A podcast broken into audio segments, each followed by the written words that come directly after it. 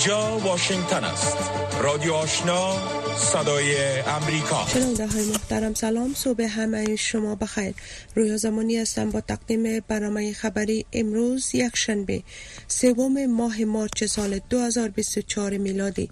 نخست از همه همکارم لیل ماه حبیب با تقدیم مشروع خبرهای این ساعت. سلام و وقت بخیر. مشروع خبرها. وزارت دولت در امور رسیدگی به حوادث حکومت طالبان می گوید از اول ماه هوت سال روان الی تاریخ دوازدهم در ولایت های مختلف افغانستان در نتیجه سردی هوا بارش برف و باران و جاری شدن سیلاب ها 20 تن جان باخته و 14 تن دیگر زخم برداشته است. ملاجانان سایق سخنگوی این وزارت طی پیامی که بر رسانه ها فرستاده گفته است از اول ماه هوت تا کنون طی باران ها و برف 20 تن شهید شده و 14 تن دیگر زخمی شده اند 452 خانه ویران شده و همین طور 5253 مواشی نیز از بین رفتند و گفته او خوست کندهار ننگرهار لغمان کنر فرا پروان کاپیسا کابل زابل سمنگان دایکندی غور و بدخشان از جمله ولایت های اند که به باشندگان آنها خسارات و تلفات وارد شده است. این در حال است که بر اساس گزارش برخی از رسانه های داخلی صرف در سه روز گذشته در ولایت های مختلف به اثر سرمایه شدید برف و باران ها و جاری شدن سیلاب ها 15 تن کشته و 30 تن دیگر زخم برداشتند. وزارت خارجه ایالات متحده امریکا بنفشه یعقوبی عضو پیشین کمیسیون مستقل حقوق بشر نظام جمهوری مخلوع افغانستان را یکی از دوازده برنده جایزه زن شجاع سال 2024 خود معرفی کرده است. بر اساس بیانیه وزارت خارجه ایالات متحده خانم یعقوبی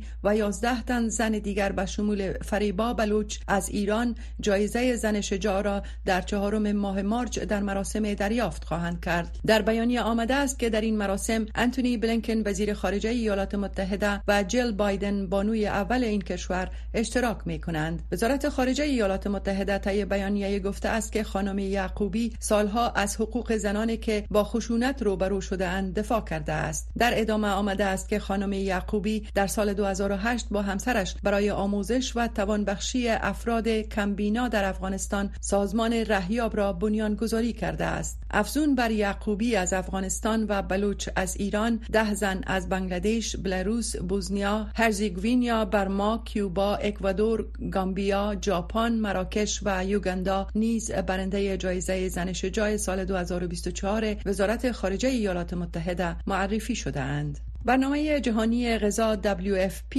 در افغانستان در نظر دارد که تا دو ماه آینده به 16 میلیون افغان که نیاز اشد به مواد غذایی دارند رسیدگی کند. فلیپی کروپوف مسئول ارتباط عامه این برنامه جهانی ملل متحد در افغانستان روز جمعه اول ماه مارچ به رادیو آزادی گفته است که در این زمستان ما صرف توانستیم 7 میلیون تن را حمایت کنیم تا ماه می امسال در نظر داریم که به 16 میلیون نفر از لحاظ مواد غذایی نجات دهنده حیات، تغذیه و حمایت از زندگی رسیدگی کنیم. فیلیپی کروپوف افزوده است که آنها خوشبختانه در هفته گذشته کمک تازه را به دست آوردند که قسمت آن را برای قرضه پرداختند که به هدف فعالیت های سال گذشته گرفته بودند. ملل متحد قبلا گفته بود که در مجموع بیش از 29 میلیون نفر در افغانستان نیازمند کمک های بشری اند. سفارت ایالات متحده امریکا برای افغانستان از گشایش شورای آموزش بین المللی امریکا یا American Council برای افغانها خبر داد. کرن دکر شارژدافیر سفارت امریکا جمعه اول ماه مارچ در شبکه اجتماعی اکس یا توییتر سابق گفت افتخار دارد که یک جا با صد تن از فارغان افغان به هدف گشایش برنامه جهانی American Council برای افغانستان اشتراک می کند و گفت که صدای فارغان افغان اهمیت دارد زیرا افغانها به دنبال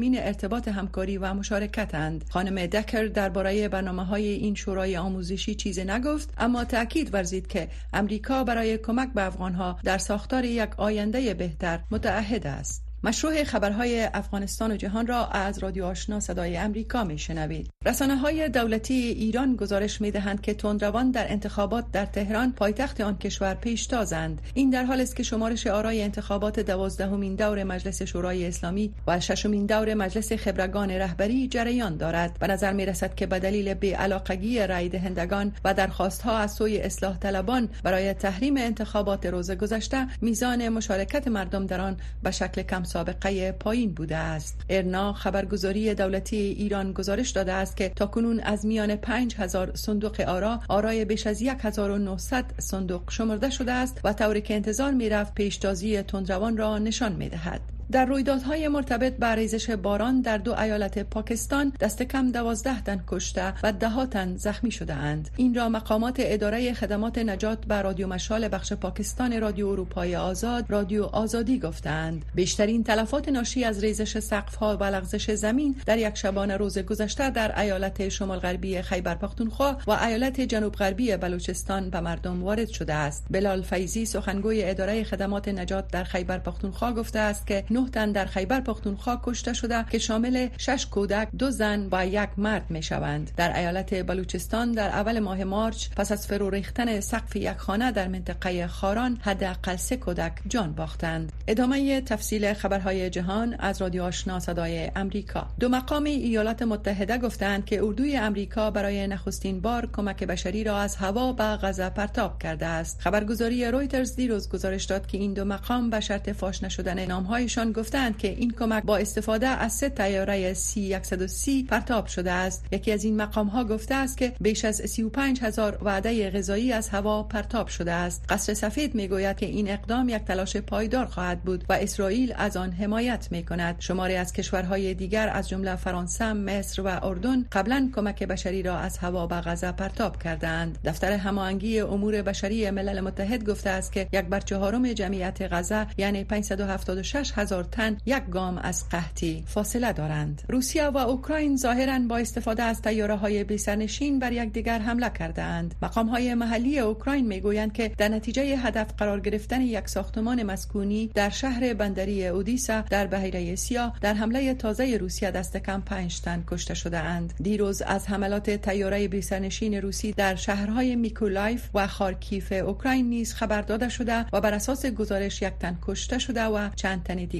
زخمی شده اند. یک حمله مظنون تیاره بی پیلوت باعث انفجار در سنت پیترزبورگ روسیه شده است. گزارش ها حاکی که در این حمله به یک ساختمان مسکونی آسیب رسیده و حداقل شش تن زخم برداشتند. الکساندر بیگلوف والی سنت پیترزبورگ از وقوع یک حادثه گزارش کرده اما درباره علت آن چیز نگفته است. با گفته او حدود 100 باشنده محلی از محل رویداد تخلیه شدند با گزارش فونتانکا خبرگزاری سنت پیترزبورگ انفجار ناشی از حمله تیاره بیسنشین اوکراین بوده است. فرماندهان اردوی ایالات متحده امریکا در اول ماه مارچ از نابود کردن یک میزایل زمین به هوای شورشیان حوسی تحت حمایت ایران در یمن خبر دادند. خبرگزاری رویترز به نقل از این قماندان ها گزارش داده است که قرار بود این میزایل شلیک شود که مورد حمله قرار گرفت. فرماندهی مرکزی ایالات متحده در شرق میانه گفته است که پس از آن که متوجه تهدید قریب الوقوع به یک کشتی امریکایی شد بر این میزایل حمله کرد و آن را نابود ساخت. حوسی ها که بخش های زیادی از یمن جنگ زده را کنترل می کنند از ماه نوامبر بدین سو کشتی های تجاری را در بیره احمر هدف حمله قرار می دهند آنها می گویند که این کار را به خاطر حملات اسرائیل بر غزه و در همبستگی با فلسطینیان انجام می دهند مقام ها در ایالات متحده امریکا جمعه اول ماه مارچ گفتند امریکایی هایی که آزمایش کووید 19 آنها مثبت نشان می دهد دیگر نیاز به پنج روز در قرنطین ماندن را ندارند. مرکز کنترل و جلوگیری از بیماری ها در ایالات متحده قوانین قبلی خود را در این زمینه تغییر داد و اعلام کرد که افراد می توانند پس از دریافت نتیجه مثبت کووید 19 در صورتی که علایم بیماری خفیف باشد یا یک روز سرماخوردگی داشته باشند می توانند سر کار بروند یا به طور منظم به امور خود ادامه دهند. این تغییر در زمان رخ می دهد که کووید 19 دیگر تهدید برای سلامت عامه مانند سابق نیست. کووید 19 در گذشته سومین عامل مرگ و میر در ایالات متحده بود اما اکنون در جایگاه دهم قرار دارد. پایان مشروع خبرهای افغانستان و جهان تا این ساعت از رادیو آشنا صدای امریکا. شما شنونده برنامه های صبحگاهی از امواج رادیو آشنا صدای امریکا هستید در آغاز این بخش برنامه نخست می‌پردازیم به تقدیم گزارش ها یک از کابوس ها برای پدران و مادران مرگ زود هنگام و ناگهانی بدون دلیل مشخص کودکانشان است. یک سرنخ از مطالعه اخیر در پنتون نیویورک به دست آمده است که در آن محققان فیلم های کمره های اتاق خواب چند طفل را به دقت بررسی کردند و علت احتمالی مرگ زود هنگام و ناگهانی این اطفال را کشف کردند که عبارت از موجودیت مجموعه از تشنج ها و انحرافات عصبی بوده است. برگردان گزارش صدای امریکا را در این مورد از فرخنده پیمانی مشنوید خانواده بیگان یکی از خانواده هایی است که کودکشان را به طور ناگهانی از دست دادند و حالا با از دست دادن غیر قابل توضیح طفلشان در سوگ آن به سر می‌برند. دخترشان روزی در سن دو سالگی به یک بارگی به طور ناگهان درگذشت. لورا بیگان مادر کودکی است که بر اثر سندروم مرگ ناگهانی از بین رفت. روزی بسیار یک دختر پر از انرژی بود. او یک طفل کوچک ولی بسیار خوشحال بود. او همیشه دوست داشت در کنار و چهار اطراف خانوادهش باشد. منظورم این است که او همه دنیای ما بود مثل اینکه تمام زندگی ما در چهار اطراف او میچرخید. در یکی از شامهای معمولی خانوادگی والدین روزی با جسد بیجان طفلشان در اوایل صبح مواجه شدند و همه چیز برایشان برای همیش تغییر کرد. زمانی که به اتاق او رفتم تا از او خبر بگیرم متوجه شدم که او واقعا ساکن است و هیچ تکانی نمی‌خورد و متوجه شدم که او واکنشی از خود نشان نمی‌دهد. بعدا او را به شفاخانه انتقال دادیم.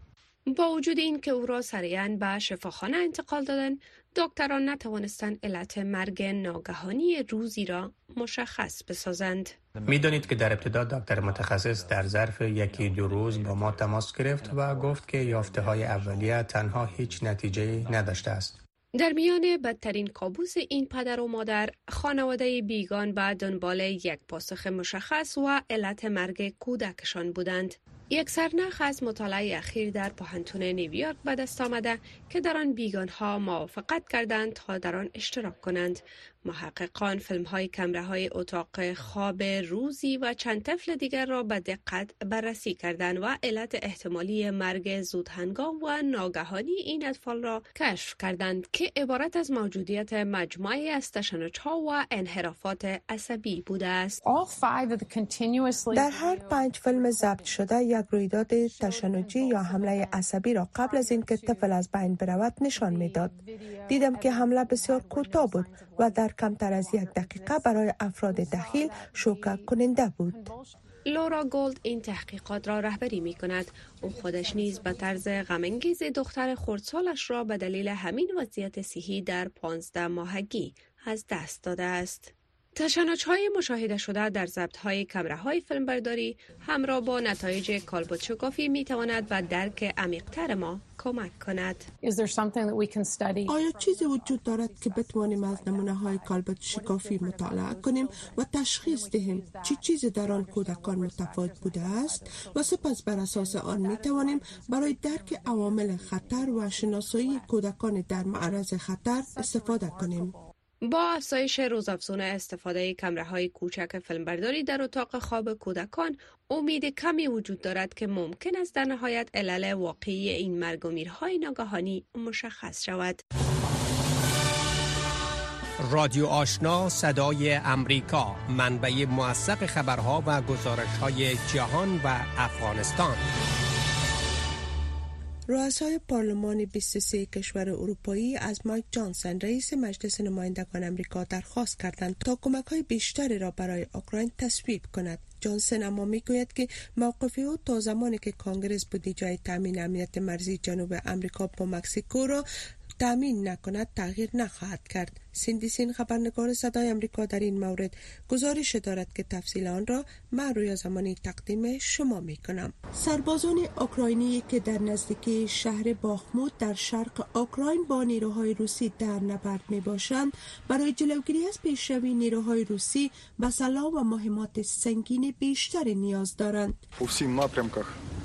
در همه جبهات دشمن فعالیت خود را افزایش داده است. ما تلاش می کنیم تا خط مقدم جنگ را حفظ کنیم. اما با سلاحهای سنگین نیاز داریم.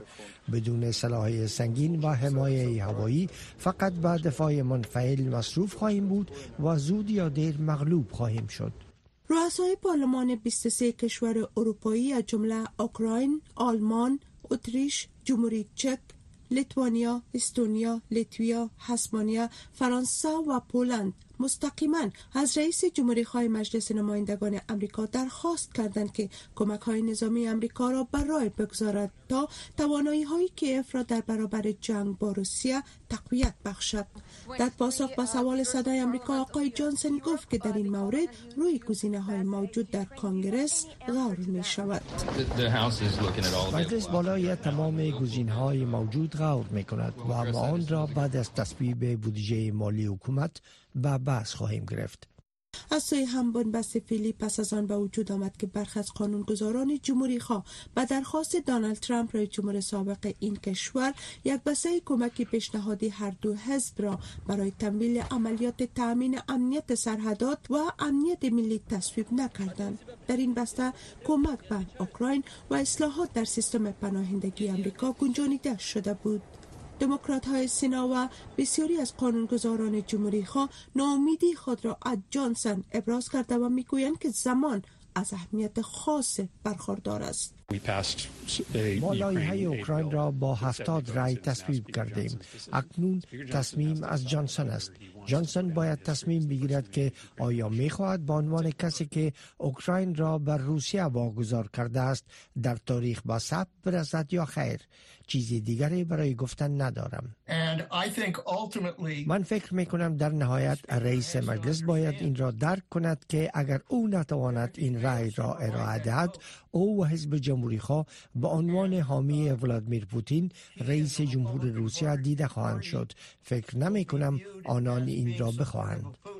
این در حال است که روز پنجشنبه هفته ای که گذشت ولادیمیر پوتین رئیس جمهور روسیه در مورد وضعیت کشورش سخنرانی کرد که به صورت زنده در سراسر شهر پخش شد. پوتین هشدار داد که عواقب اعزام نیروهای ناتو به اوکراین فاجعه بار خواهد بود و گفت که سلاح هسته ای دارد که می تواند غرب را مورد حمله قرار دهد. از هم امانوئل ماکرون رئیس جمهور فرانسه گفتگوهای را در میان کشورهای عضو ناتو آغاز کرد و گفت که اوکراین برای امنیت اروپا می جنگد و امکان استقرار نیروهای غربی در اوکراین را نمی توان رد کرد. رادیو آشنا صدای امریکا. پنج تا هفت صبح و هفت شام تا ده شب. تازه ترین خبرها و گزارش ها در ادامه گزارش ها از امواج رادیو آشنا صدای امریکا. متحدین سیاسی رجب طیب اردوغان رئیس جمهور ترکیه تلاش دارند تا تا کنترل شاروالی استانبول را در انتخابات محلی ماه مارچ به دست بیاورند. رسانه های مخالف اردوغان به مردم در مورد تکتیک هایی که متحدین اردوغان به شمول استفاده از هوش مصنوعی و ویدیوهای جعلی در تبلیغات انتخاباتیشان به کار می‌برند هشدار می‌دهند. مخالفان گفتند که این اقدامات در حال صورت گیرد که به حکومت بر دسترسی به برخی از رسانه های بین المللی نیز محدودیت وضع کرده است. گزارش صدای امریکا را در این مورد در ژیلا نوری مشنوید ویدیوهایی که با گزینه هوش مصنوعی تولید شده اکرم اماموغلو شهردار استانبول را نشان می‌دهد که از دستاوردهای رجب طیب اردوغان در شهر استانبول تمجید و توصیف می کند این ویدیو در رسانه های اجتماعی دست به دست شده است.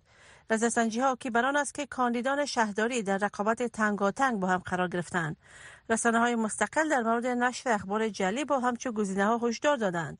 برخی رسانه ها تحت کنترل حکومت اصلی بودن این ویدیوها را تایید نکرده است. حکمت عدل خبرنگار رسانه اجتماعی بیانات که یک پایگاه خبری مستقل است می‌گوید ساختن ویدیوهای ساختگی و نشر آن برای تبلیغات کاری کار سختی نیست. او می‌گوید ویدیوهای جعلی معمولا در سایت های خبری نشر نمی شود اما از طریق اشتهارات به میلیون ها نفر می رسد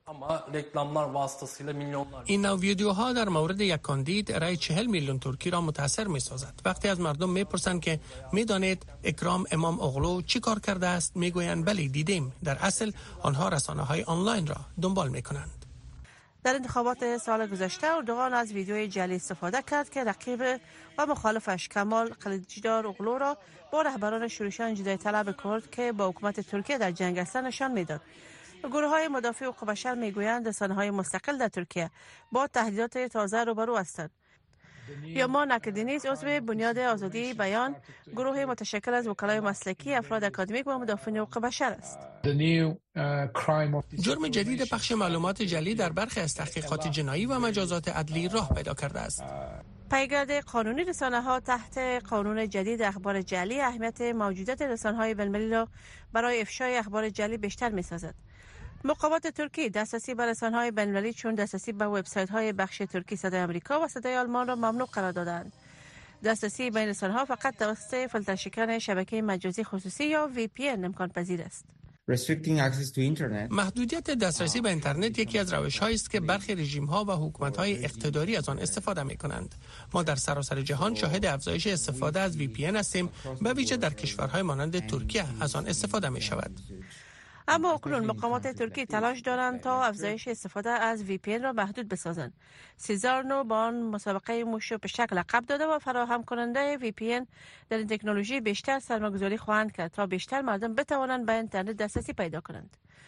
رسانه های مستقل هشدار می‌دهند که آنها در حال باختن نبرد در برابر شناسایی ویدیوهای جعلی قرار دارند. حکمت عدل می‌گوید که تعداد کسانی که ویدیوهای جلی را تولید می‌کنند نسبت به تعداد کسانی که در برابر مقابله می‌کنند بسیار کم است. برای ما امکان ندارد که بدیل رسانه ها را داشته باشیم و در برابر اخبار جلی مبارزه کنیم. تیم ما محدود به 20 نفر یا 15 نفر است. فقط همین اندازه افراد هستند. اما آنها اردو در کنارشان است. تحلیلگران معتقدند که با توجه به رقابت تنگاتنگ در انتخابات استانبول خطر نشر اخبار جعلی در حال رشد است و ممکن رسانه های مستقل را بیشتر تحت فشار قرار دهد. رادیو آشنا صدای امریکا منبع موثق خبرها و گزارش های جهان و افغانستان. در ادامه گزارش ها شماری از جریان های اعتراضی زنان افغانستان از پیشنهاد ریچارد بنت مبنی بر اقدام کشورها علیه افغانستان در محکمه بین المللی عدالت به دلیل تبعیض علیه زنان استقبال می کنند این جریان های اعتراضی می گویند که تطبیق عدالت و تحت پیکرد قرار گرفتن عاملان جنایات نیاز جدی افغانستان است. جزئیات بیشتر را در گزارش تقدیم شما می کنیم ریچارد بنت گزارشگر ویژه شورای حقوق بشر ملل متحد هنگام ارائه گزارشش در 55 من نشست این شورا گفت که تحقیقات محکمه بین المللی جرایم در افغانستان در حال انجام است و امیدوار است که از راههای دیگر پاسخگویی نیز استفاده شود. بنت افزود که کشورهای عضو کنوانسیون رفع کلیه اشکال تبعیض علیه زنان دارای اختیار هستند که به دلیل عدم رعایت کنوانسیون علیه افغانستان در محکمه بین المللی عدالت اقدام کنند این مقام شورای حقوق بشر ملل متحد گفت که کشورهای عضو را تشویق می کند تا این مسیر قانونی را برای به چالش کشیدن نقض حقوق بشر در افغانستان در نظر بگیرند. برخی جنبش های اعتراضی زنان از خواست ریچارد بنت از جامعه جهانی مبنی بر باز کردن پرونده علیه طالبان تحت عنوان آپارتاید جنسیتی در افغانستان استقبال می کنند. فوزیه وحدت عضو رهبری جنبش زنان مقتدر افغانستان گفت که این تصمیم ناشی از ایستادگی مقاومت فداکاری و قربانی های زنان معترض است. این یکی از خواسته های زنان معترض بود که پرونده تحت عنوان اپارتاید جنسیتی علیه گروه تروریستی طالبان در دادگاه کیفری آغاز شود و مورد بررسی قرار بگیره که امروز آرام آرام ما دنیا را اقناع می سازیم که از دو سال بعد این سو در افغانستان جنایت به نام اپارتاید جنسیتی جریان داره و یک گروه حاکم که طالبان هستن و گروه تروریستی هستن آمدن در افغانستان و یک قشر را از تمام ساحات و از حتی از نفس کشیدن دارن محروم می‌کنن. وحدت ابراز امیدواری کرد که این پرونده هر عاجل تشکیل شود و جنایت انجام شده در افغانستان تحت بررسی محکمه بین المللی جرایم و محکمه بین المللی عدالت قرار بگیرد. جنبش شنبه های ارغوانی نیز می‌گوید که بارها خواهان بررسی جنایت جنگی، نسل کشی و آپارتاید جنسیتی در حاکمیت گروه طالبان توسط نهادهای بین المللی به شمول دادگاه لاح شده است. این جنبش تطبیق عدالت و دادگاهی شدن عاملان جنایت و ناقضان حقوق بشر را نیاز جدی جامعه افغانستان می‌داند.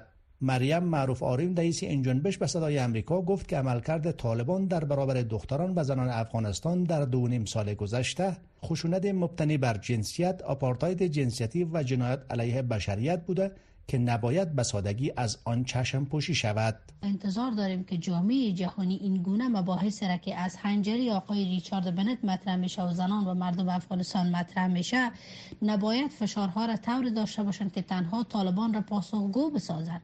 ما امیدوار هستیم که طالبان به محاکمه کشانیده شود و همه این واقعیت ها مبنا قرار بگیرد تا جامعه جهانی اراده صادقانه بکند جهت پایان مرگ تدریجی زنان و دختران افغانستان. به باور آروین این کار زمان ممکن است که در راستای بدیل حکومت خودخوانده طالبان از سوی جامعه جهانی فکر و اقدام شود قبل از ریچارد بنت هیدربار مسئول حقوق بشر و زنان در دیدمان حقوق بشر با اشاره به نقض مداوم حقوق زنان و دختران افغان توسط حکومت طالبان گفته بود که محکمه بین المللی عدالت می تواند آدرس خوبی برای پاسخگویی به این نقص های سیستماتیک باشد. هیدربار یک ماه قبل گفته بود که زنان و دختران افغان شایستند که علیه طالبان در محکمه بین المللی عدالت بیستند. به باور این مقام دیدبان حقوق بشر حمایت تنها یک کشور عضو کنوانسیون رفع همه اشکال تبعیض علیه زنان می تواند این امر را محقق کند. رادیو آشنا صدای امریکا. پنج تا هفت صبح و هفت شام تا ده شب. تازه ترین خبرها و گزارش ها شنونده های محترم حکومت طالبان گزارش اخیر ریچارد بنت گزارشگر حقوق بشر سازمان ملل متحد را پروپاگاند علیه این گروه خوانده است. ریچارد بنت دو روز قبل وضعیت حقوق بشری در افغانستان را نگران کننده توصیف کرده بود. اما طالبان می‌گویند که همه شهروندان این کشور از حقوق شرعی خود برخوردار هستند. طالبان در حال بر تامین حقوق همه شهروندان افغانستان تاکید دارند که یافته های رواداری که یک از نهادهای ناظر بر حقوق بشر در افغانستان می باشد نشان می دهد که در سال 2023 تخطی های چشمگیر از حقوق بشر در افغانستان صورت گرفته است جزئیات بیشتر این گزارش را از سید عزیز رحمان مشنوید سازمان موسوم بر رواداری که وضعیت حقوق بشری در افغانستان را نظارت می کند گزارش داده است که در جریان سال 2023 وضعیت حقوق بشر در افغانستان در ابعاد گوناگون بدتر شده است. در گزارش تازه این سازمان که روز شنبه نشر شده آماده است که نقض حق حیات با شمول های هدفمند مرموز و فراقضایی و حملات انتقام جویانه در بخش های مختلف گسترش یافته است. این گزارش گفته است که طی سال گذشته 506 نفر در رویدادهای گوناگون نقض حقوق بشر در سراسر افغانستان کشته و 266 تن دیگر زخمی شده اند. رواداری می گوید که کارمندان سابق حکومت، مدافعان حقوق بشر، بزرگان قومی و مخالفان طالبان شامل این افراد آسیب پذیر می باشند. یافته های نهاد رواداری نشان می دهد که در جریان سال 2023 حداقل 623 نفر با شمول 55 زن در 22 ولایت با صورت خودسرانه و غیر قانونی توسط طالبان بازداشت شده اند.